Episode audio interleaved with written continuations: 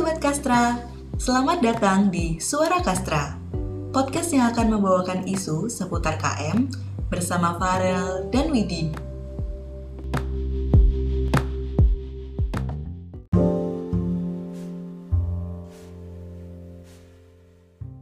Halo, Halo, Sobat Kastra. Sobat Kastra. Gimana nih kabarnya? Kembali Udah, iya kembali lagi di podcast Suara Kastra. Episode keberapa nih, Farel? Kita udah episode 4 aja nih, Wit. Nggak kerasa ya? Kayaknya baru kemarin kita tuh episode 1. Iya, baru kemarin Lama rasanya banget. kita baru perkenalan ke teman-teman kita, ke Sobat Kastra semuanya. Sekarang ya udah ada adik-adik, bukan adik-adik sih, Iya, teman-teman ada maba. maba juga. Mm-mm, Iya, benar, benar, benar. Ya, semoga ini kalau misalkan ada teman-teman maba yang dengerin, selamat datang ya di Iya, selamat datang kampus di Suara tercinta Kastra. gitu kan. Iya, di Psikologi Selamat datang UNER. juga di Suara Kastra. Iya, selamat mendengarkan podcast-podcast yang menarik topik-topiknya gitu kan dan berkualitas. Topiknya juga seputar dengan uh, Psikologi UNER ya, nggak jauh-jauh pun kalaupun Mm, kita mm, mm. agak naik pun ya masih di lingkup UNAR nggak sampai keluar UNAR gitu. Iya, benar-benar. Oke, mungkin Widi ini kabarnya gimana nih? Eh, di semester 3 awal-awal adakah gejolak? Eh, tentu aja ada gejolak di setiap pergantian semester ya Farel kayak dari semester 1 ke 2, 2 ke 3 kayak challenge-nya semakin naik ya tapi apa pun itu kita harus tetap menjalani ya sih Farel. Walaupun lagi dicecer sama mungkin teman-teman yang organisasi banyak proker gitu kan atau Iya. yang lagi eh, fokus buat kuliah juga UTS-nya eh, juga. dilancarkan gitu kan. Mm-mm, bener bener bener. Mhm. Jadi Mm, ada berita menarik. apa nih Farel kira-kira? Mungkin ini sih Farel yang happening banget yang masih kasusnya berkelanjutan sampai sekarang tuh kasus pembunuhan Brigadir J. Kalau mungkin teman-teman tahu kasusnya Sambo, iya, siapa sih Sambo? Verdi Sambo. Ya kan nggak kelar-kelar ya Verdi Sambo Iya, nggak kelar-kelar. Kemarin eh, kalau nggak salah tuh sampai di eh, udah dipecat ya dari kepolisian secara tidak terhormat, tapi Hmm, kayaknya yang iya, terakhir iya. tuh Sambo masih mengajukan banding gitu. Kayak aku baca di kompas.com. Iya di Kalau Kompas. teman-teman bisa cek, itu tuh sempat juga uh, muncul narasi kalau misalkan ada indikasi pelecehan seksual di kasus Brigadir Hmm. J ini gitu. Sempat uh, diduga terjadi pelecehan Sambo. seksual Mm, uh-uh, terhadap istrinya Verdi Sambo, uh, mm, inisial siapa PA kalau nggak salah. Eh PC, PC PC. inisial PC. uh-uh.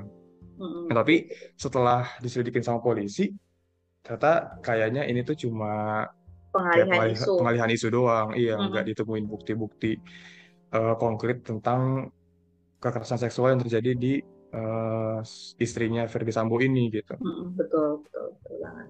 Ngomongin tentang pelecehan seksual nih, teman-teman, suara kata Mm-mm. semuanya.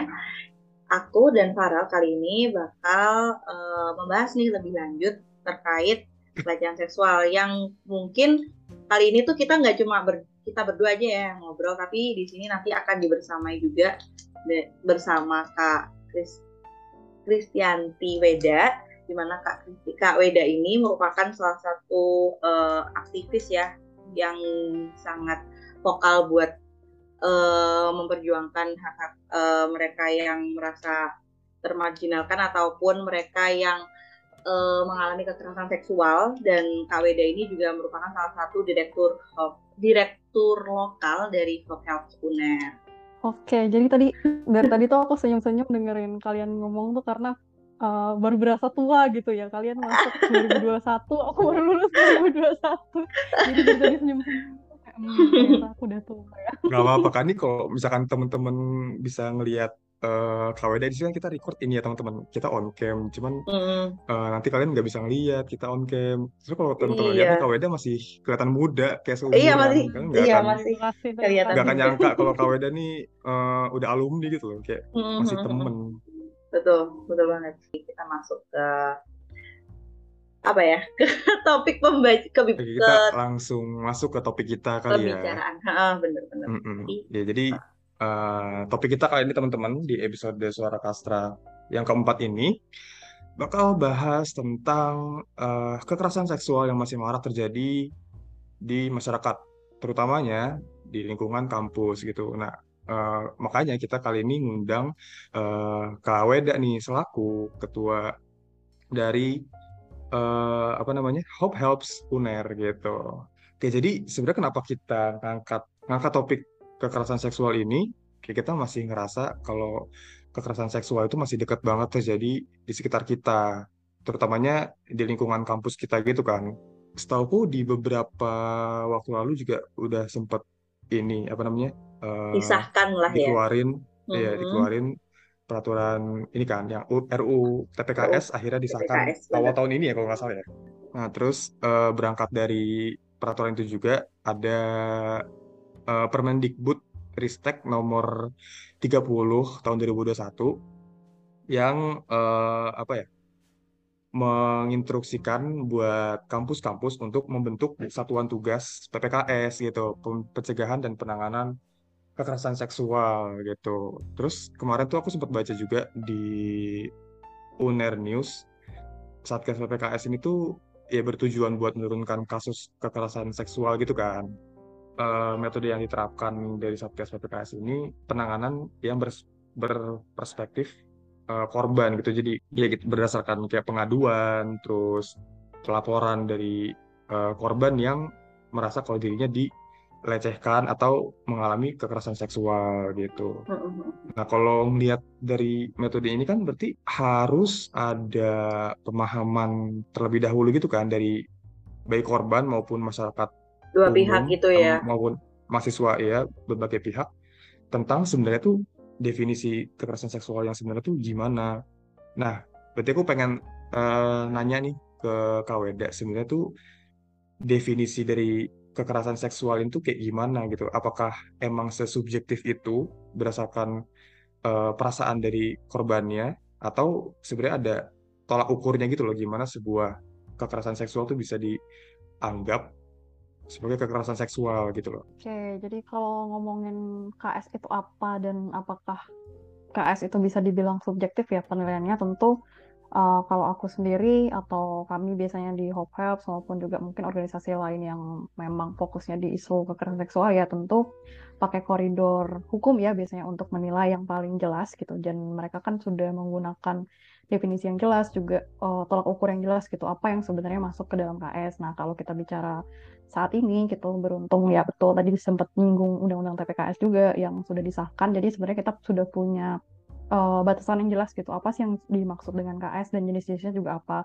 Dan di Permendikbud Ristek 30 tahun 2021 tentang uh, PPKS juga sudah disebut dan dijelaskan juga sih apa yang masuk ke dalam KS apa enggak. Tapi mungkin yang paling mudah ya untuk me, me, menol, apa ya mem- mengkategorikan apa itu KS atau enggak tentu tadi juga sudah, sudah disebut dari konsen gitu ya. Jadi memang yang paling jelas tolak ukurnya adalah apakah uh, penerima perbuatan gitu ya. Kita sebutnya perbuatan KS itu uh, mendapat persetujuan dari korban gitu ya. Mungkin tadi juga disebutin catcalling, terus juga mungkin tatapan yang uh, bernuansa seksual itu sebenarnya juga masuk ke dalam uh, apa ya salah satu jenis KS ya kalau kita mengacu ke Permendikbudristek PPKS kayak gitu. Jadi mungkin yang paling gampang ya apakah uh, perbuatan itu disetujui oleh korban gitu dan biasanya memang bernuansa seksual ya gitu baik baik itu verbal non verbal atau bahkan mungkin yang sekarang lagi lagi banyak kasusnya juga yang berbasis online ya gitu dari lewat media sosial maupun sarana lain yang berbasis elektronik.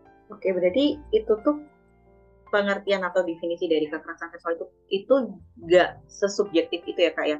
Soalnya kan kita kan sebagai mungkin orang yang nggak terlalu uh, paham tentang kekerasan seksual dan lain sebagainya itu sebenarnya gimana kayak kita nggak tahu limitasinya itu gimana mungkin bakal menganggap kalau ini tuh subjektif dan subjektif ini yang akan dijadikan buat mereka saat melakukan kekerasan seksual sebagai defense gitu kayak ya ini tuh karena aku sendiri yang rasain ini berarti ini tuh bisa dianggap sebagai pelecehan seksual enggak karena uh, itu tuh nggak sesuai sama iniku valueku dan valuemu. Kayak mungkin di sana ada kayak gap gitu dan uh, mungkin karena itu kurang edukasi kali ya buat orang-orang tahu limitasinya di mana gitu. Limitasi dari definisi kekerasan seksual atau gimana? Sebenarnya mungkin kalau dibilang subjek uh, karena pakai bahasanya subjektif ya. Kalau subjektif kan jadi dari pandangan penerima ya berarti penerima perbuatan tersebut ya. Tentu uh, pasti yang yang paling uh, apa ya ngefek siapa sih yang akan merasakan uh, akibatnya gitu kan.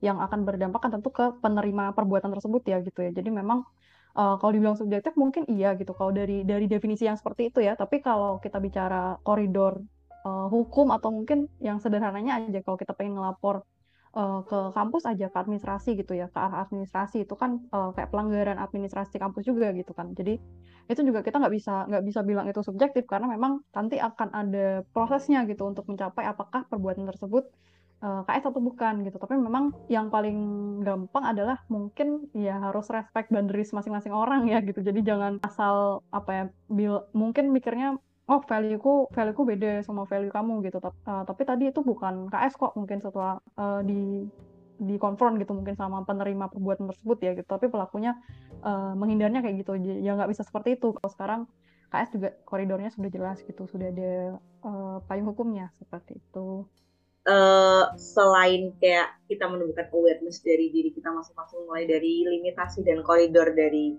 definisi kekerasan seksual atau pelecehan seksual itu sendiri itu kira-kira ada nggak sih kak kayak gimana caranya kita biar tahu kedua belah pihak antara korban dan pelaku ini sebelum dia melakukan pelecehan atau kekerasan seksual tuh ada tindakan preventifnya gitu. Jadi uh, biar mereka tuh sama-sama paham gitu gimana biar kekerasan seksual atau pelecehan seksual ini tidak terjadi. Oke, jadi mungkin kalau kita bicara soal KS yang umum atau mungkin kita sering mungkin uh, kamu juga sendiri pernah mengalami gitu di lingkungan kampus atau di di tempat umum uh, catcalling gitu misalnya ya. Apakah bisa kita sebagai orang yang mungkin lewat jalan gitu ya, lewat jalan terus ada orang lain yang tiba-tiba melakukan catcall gitu. Apakah kita siap gitu saling bertanya gitu? Oh eh saya lewat apakah kamu mau catcall kayak gitu kan mungkin kayak gitu. Ya. jadi yeah. mungkin uh, bahasanya luas karena jenisnya kan banyak. Nah tapi mungkin kalau pertanyaanmu aku bisa arahkan ke perbuatan seksual yang mungkin kita sering ini kan bahasanya bahasanya KS itu kan sering bersinggungan sama moralitas uh, apa namanya pokoknya bahasannya soal itu kan moralitas gitu ya. Jadi biasanya tolak ukur KS tentu pakai konsen. Tadi kan aku sudah sebut juga. Jadi mungkin Nah, konsen sendiri kan sering banget orang bilang e, kalian harus harus saling kedua belah pihak ya atau mungkin lebih lebih dari dua pihak yang secara jelas memberikan kata iya gitu untuk untuk persetujuan apa nih gitu. Kalau untuk katakanlah berciuman gitu ya. Uh, apakah si A dan si B ini mau untuk saling memang saling berciuman? Nah, itu harus jelas atau bahkan mungkin uh, apakah ada tekanan? Apakah uh, kedua korban atau mungkin pihak yang lebih lebih tidak diuntungkan dari dari perbuatan tersebut punya pertimbangan lain ya untuk mengiyakan gitu. Jadi itu juga harus dipertimbangkan gitu. Makanya harus secara bebas diberikan gitu. Kayak nggak ada tekanan apa-apa, nggak ada nggak ada paksaan. Terus juga diberikannya itu bisa ditarik kembali. Misalnya kan kadang suka kita juga suka pelin-pelan gitu ya bilang iya padahal sebenarnya takut takut kenapa-kenapa gitu kan. Jadi kita bilang iya padahal sebenarnya enggak. Itu jadi makanya kalau memang uh, salah satu pihak bilang stop atau bilang tidak mau ya udah kita harus menghargai uh, hal itu gitu. Jadi memang harus bisa di konten itu harus jelas dan bisa ditarik kembali. Terus juga harus jelas up, tentang apa nih yang kita berikan. Kalau sebatas ciuman ya udah ciuman aja gitu. Kalau kalau merambat ke yang lain-lain ya itu berarti bukan konsen yang diberikan salah satu pihak gitu. Itu kayak itu yang ketiga dan yang yang keempat mungkin uh, harus diberikan secara nyaman ya gitu. Jadi harus nggak nggak kita nggak nggak merasakan salah satu salah satu pihak ataupun banyak pihak itu nggak merasakan sesuatu yang akhirnya berdampak negatif gitu ya. Dan uh, harus spesifik ya itu tadi. Jadi harus terinformasi dan spesifik. Jadi apa yang diberikan, imbasnya seperti apa. Kadang kita juga nggak tahu ya gimana menghindari itu. Tentu bukan dari korbannya ya mau di mana mau ngapain juga pasti ketemu aja sih orang yang melakukan KS kayak gitu sih. Oke, okay, berarti kalau yang tadi aku tangkap tentang kekerasan seksual secara moralitas, yang harus ditekankan adalah dari ketegasan pihak yang diminta konsen dan apa ya, kesadaran diri kali ya yang meminta konsen gitu ya. Terus kalau ngomongin yang tadi Kak, kekerasan seksual yang lebih general, yang lebih umum dialami di sekitar kita, mungkin tadi yang salah satu catcalling, itu kan atau yang hmm, misalkan uh, secara visual yang dari atas ke bawah dilihat dari korban ya mungkin nggak bisa ngontrol gitu kan. Nah di sini apakah mungkin kita harus ada tindakan preventif yang kita lakukan kepada istilahnya para calon pelaku kayak kita kan nggak bisa ngontrol perilaku orang lain ya Nah, apakah kita harus mungkin rutin ngasih istilahnya apa ya edukasi atau gimana gitu kan? Jadi mungkin uh, kalau bicara soal gimana sih mencegah uh, terutama yang dari dari orang asing ya biasanya itu ada satu apa istilah istilah yang mungkin sering sering dipakai di di si nggak cuma dari KS aja ya tapi uh, mungkin kejadian-kejadian yang kita anggap membahayakan satu pihak ya gitu kayak ada orang berantem atau ya itu tadi ada ada KS atau apa apa itu sebenarnya ada ada yang namanya bystander intervention ya. Yang pertama bisa kita lakukan adalah distract. Uh, terutama ini mungkin uh, korban yang sendirian ya jadi bukan teman kita. Itu mungkin kita bisa bantu distract misalnya ya dihampiri gitu apakah uh, kenal nggak sama pelaku gitu. Kayak misalnya uh, kamu pura-pura aja gitu kalau kalau kalau tanya gitu kayak uh, eh kok baru datang gitu. Itu bisa bisa jadi uh, korban ini ngerasa dia nggak sendirian di situ. Kalau misalnya memang uh, apa ya kejadiannya itu bakal ngerasa ada eskalasinya gitu. Misalnya nggak cuma sekedar catcall gitu misalnya. Pelakunya mungkin mau nguntit korban gitu kan. Korban ngerasa nggak sendirian dan pelakunya mungkin takut karena lebih dari satu orang gitu yang ada di situ gitu. Ada ada ada orang yang melihat kayak gitu. Bisa juga kalau memang misalnya kita juga sendiri takut gitu ya nggak tahu mereka mereka berbanyak mungkin pelakunya uh, kita bisa report langsung gitu. Misalnya ke satpam kompleks ke uh, eh, RT RW atau mungkin kalau di lingkungan di lingkungan kampus ya tentu ke satpam uh, atau pokoknya di mana pun kita harus segera report gitu ke siapa pun yang ada di sekitar situ yang kita anggap punya otoritas lebih kayak gitu ya. Nggak nggak serta merta ke polisi ya cuma mungkin ke yang terdekat dulu yang paling cepat gitu dan bisa juga dokumentasi gitu uh, yang ketiga bisa dokumentasi ciri-ciri orang yang uh, melakukan gitu. Misalnya rambutnya gimana punya punya punya tato atau enggak atau gitu. Itu hal-hal yang memang kita bisa membedakan nantinya ketika misalnya mungkin sampai eskalasi sampai lapor ke polisi gitu ya.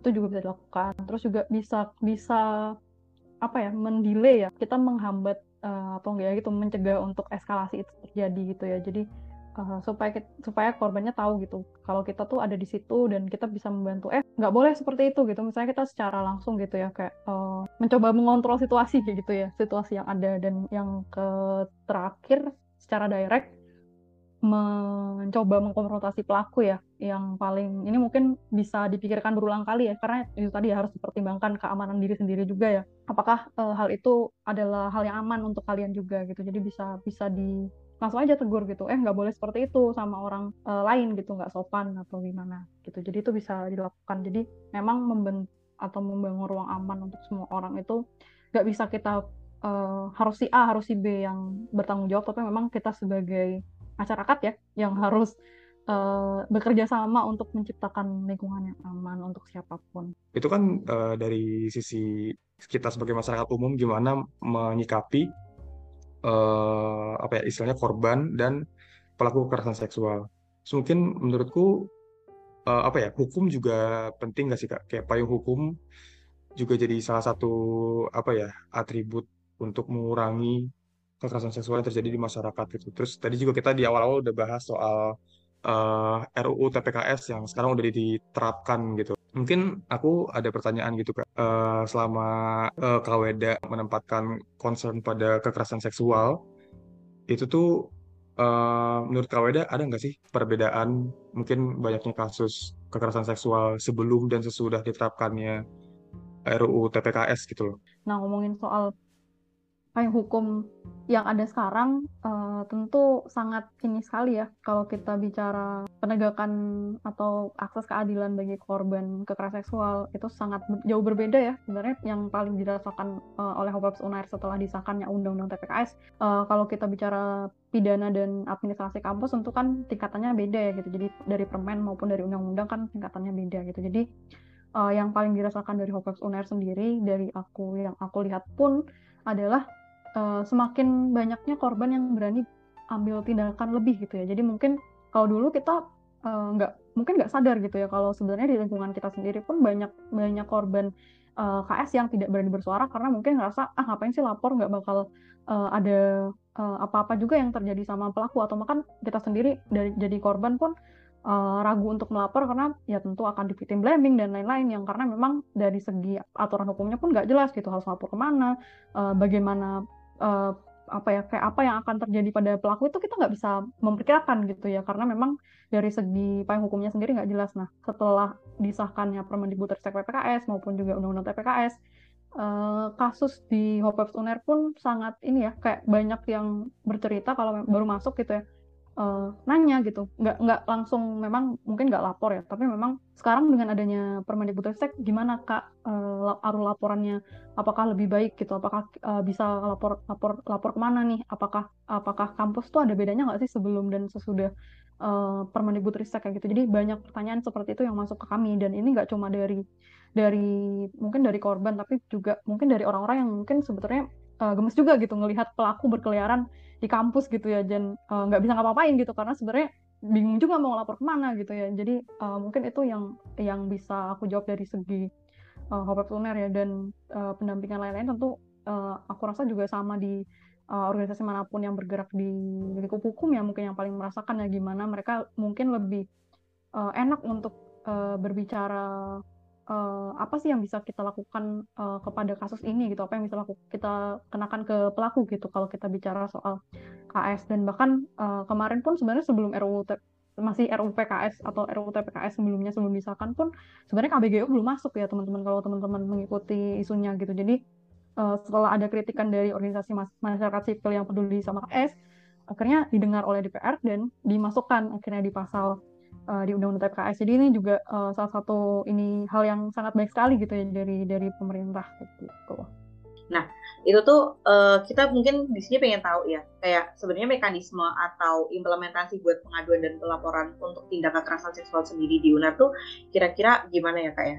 Oke, uh, jadi kalau kalau di UNER sendiri sebetulnya kan kalau tadi uh, bicara Permendikbudristek ya, jadi sebelum Permendikbudristek itu memang di UNER sendiri itu uh, masih lewat proses dewan etik ya. Kalau teman-teman sempat kepoin peraturan rektor ataupun uh, belum ya. Jadi sebelumnya itu lewat dewan etik di masing-masing fakultas, baru kalau ada eskalasi bisa ke universitas dan seterusnya. Nah, setelah Permendikbudristek tentu kalau teman-teman juga sempat ngepoin Permendikbudristek PPKS itu ada mekanisme yang sebetulnya akan disusun sama Satgas PPKS ya. Jadi uh, meskipun sebenarnya di Permendikbudristek itu ada alurnya, tapi kan secara jelasnya ya implementasi seperti apa teknisnya itu adalah yang menyusun itu Satgas PPKS. Nah, tapi dari yang aku tahu juga kemarin kebetulan ada yang nanya juga uh, bagaimana pelaporan di Satgas PPKS itu sampai saat ini uh, mereka mereka pun kan baru terbentuk baru banget ya. Uh, aku lupa bulan ini kayaknya ya, awal bulan atau beberapa minggu yang seminggu dua minggu yang lalu lah. Jadi masih masih sangat baru dan mereka belum buka hotline secara resmi atau bagaimana mekanisme juga mereka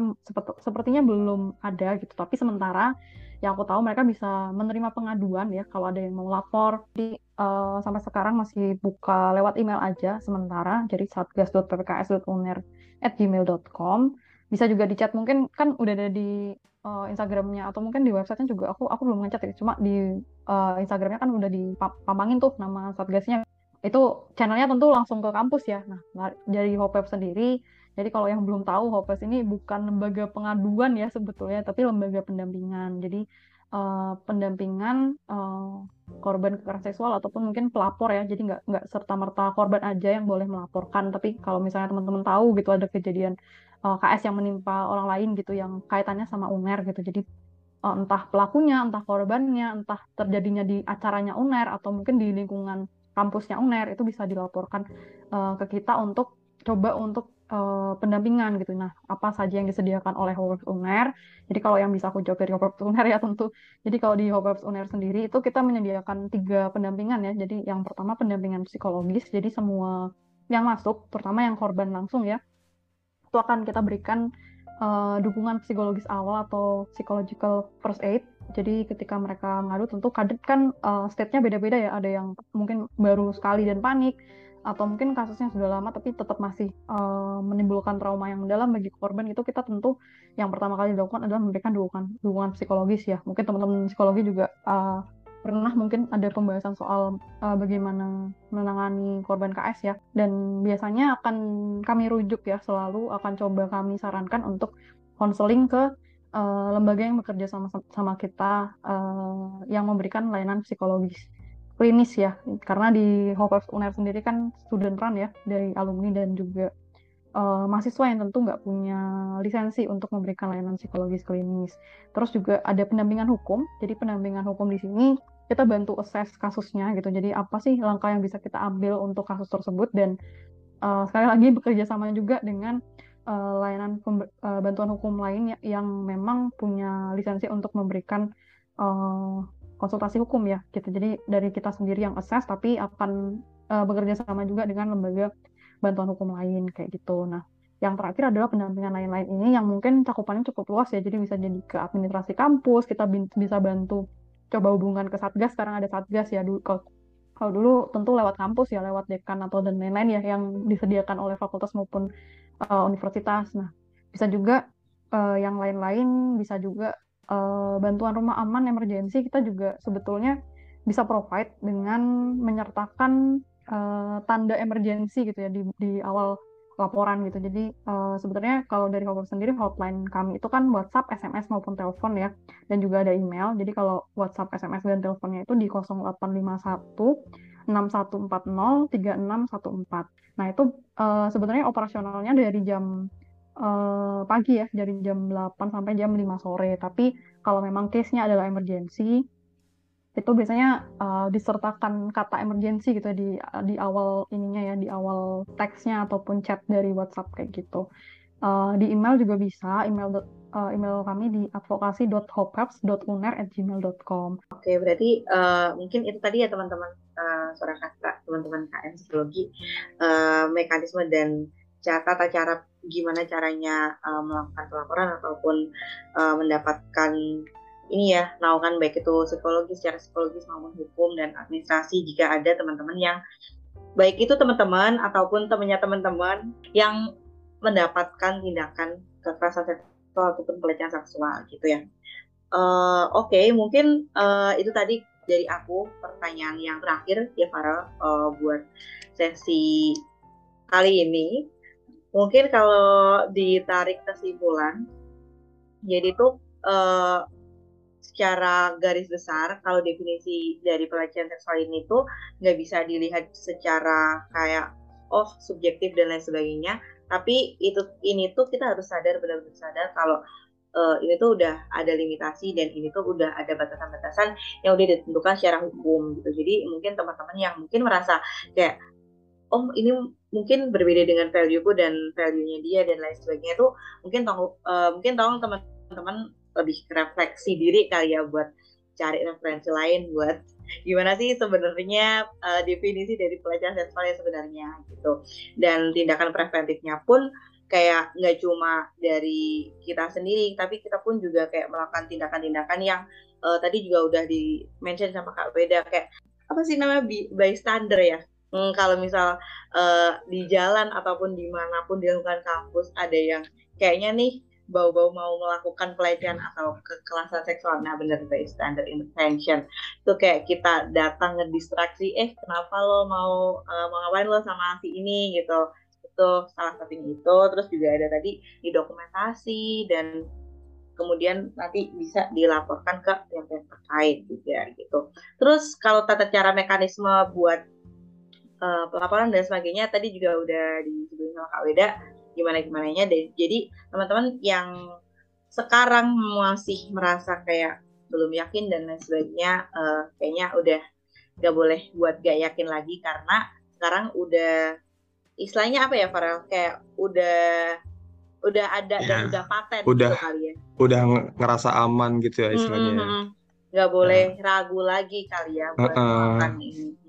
Harapan kita uh, tadi kan juga dijelasin gimana uh, mekanisme pendampingan di Hopelps juga. Jadi kita uh, berharapnya teman-teman udah ngerasa nyaman dan aman buat uh, melakukan pengaduan dan uh, apa ya terbuka, lebih terbuka tentang apa yang teman-teman alamin terkait uh, KS atau kekerasan seksual gitu karena pun sekarang payung hukumnya juga udah jelas, terus penindak-penindaknya pun udah ada, kayak tadi di kampus salah satunya adalah Satgas PPKS. Jadi teman-teman uh, yang merasa mungkin dekat dengan korban atau bahkan mungkin korbannya sendiri itu bisa lebih apa ya uh, memanfaatkan dan lebih terbuka gitu loh untuk istilahnya menceritakan apa yang dialami dan mungkin mengajak teman-teman yang lain untuk lebih peduli tentang kekerasan seksual kayak gitu. Harapannya supaya di lingkungan kampus bahkan di masyarakat bisa ditekan angka terjadinya kekerasan seksual gitu. Oke, benar banget Farah. Oke, karena itu tadi juga udah ada kesimpulan dari pembicaraan kita. Mungkin uh, dari Kaweda ada closing statement ataupun pesan-pesan yang mau disampaikan ke teman-teman KM Psikologi? Uh, mungkin teman-teman juga harus sadar kalau kita bicara soal KS itu yang paling penting adalah kepentingan korban dan kita nggak bisa berasumsi oh korban harusnya lapor korban harusnya uh, gini gitu gini gitu gitu. Jadi kita uh, sangat tidak disarankan seperti itu karena di HOPEP sendiri pun uh, kami nggak pernah mendikte korban harus ambil tindakan A B C tapi kita memberikan opsi gitu. Kita menjelaskan uh, kalau kasus kamu seperti ini kalau kamu lapor ke sini akan seperti ini kalau kamu lapor ke sini akan seperti ini dan memang sebaiknya didampingi oleh uh, psikolog gitu karena kita nggak akan tahu gitu ya apakah korban akan mengalami uh, trauma lanjutan ya ketika membahas ulang secara berulang kali gitu kasusnya seperti itu. Makanya penting untuk uh, apa ya secara bersama-sama kita juga harus sadar gitu nggak nggak boleh memutuskan atau nggak boleh bilang oh kok korban gitu sih? atau kok korban udah maju terus kita sering banget ya udah korban maju terus kok tiba-tiba ditarik ya tuntutannya kok tiba-tiba nggak ada kabarnya ih pasti bohong gitu. Jadi itu itu sering banget uh, terjadi ketika uh, korban itu mungkin memang secara mental nggak siap gitu ya menghadapi berulang kali. Karena proses hukum itu nggak cuma KS ya. Semua proses hukum itu kalau teman-teman berada, pernah berhadapan uh, sama proses hukum sangat panjang dan menguras tenaga dan waktu dan uang gitu. Jadi memang eh, nggak mudah gitu apalagi bagi korban KS yang sangat traumatis gitu itu sih mungkin closing statementku. Jadi harus uh, sadar akan kepentingan korban gitu. Jangan berasumsi kalau korban butuhnya ini butuhnya itu. Tapi kita harus sadar kalau pertimbangannya sangat banyak gitu. Dan uh, ya apa yang baik bagi kita, yang kita anggap baik belum tentu baik bagi korban gitu. Oke, ya mungkin uh, obrolan kita harus kita akhiri nih. Sayang hmm. banget ya, padahal menurut aku seru banget nih with obrolannya. Karena ya kekerasan seksual sayangnya cukup dekat terjadi dengan kita ya. Dan lagi marak ya. ya mungkin itu aja uh, dari kita bertiga kita pamit undur iya, diri. yeah. Terima kasih buat teman-teman uh, sobat Kastra yang udah dengerin episode hmm. 4 kali ini. Makasih juga buat Kak Wida yang mau bersedia ngobrol-ngobrol sama kita tentang kekerasan seksual ini. Oke, okay, jadi uh, untuk podcast Suara Kastra episode 4 kali ini resmi kita tutup ya Farah ya.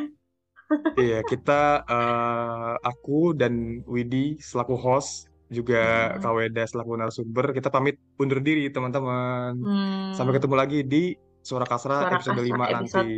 Iya, dadah. Dadah teman-teman, makasih.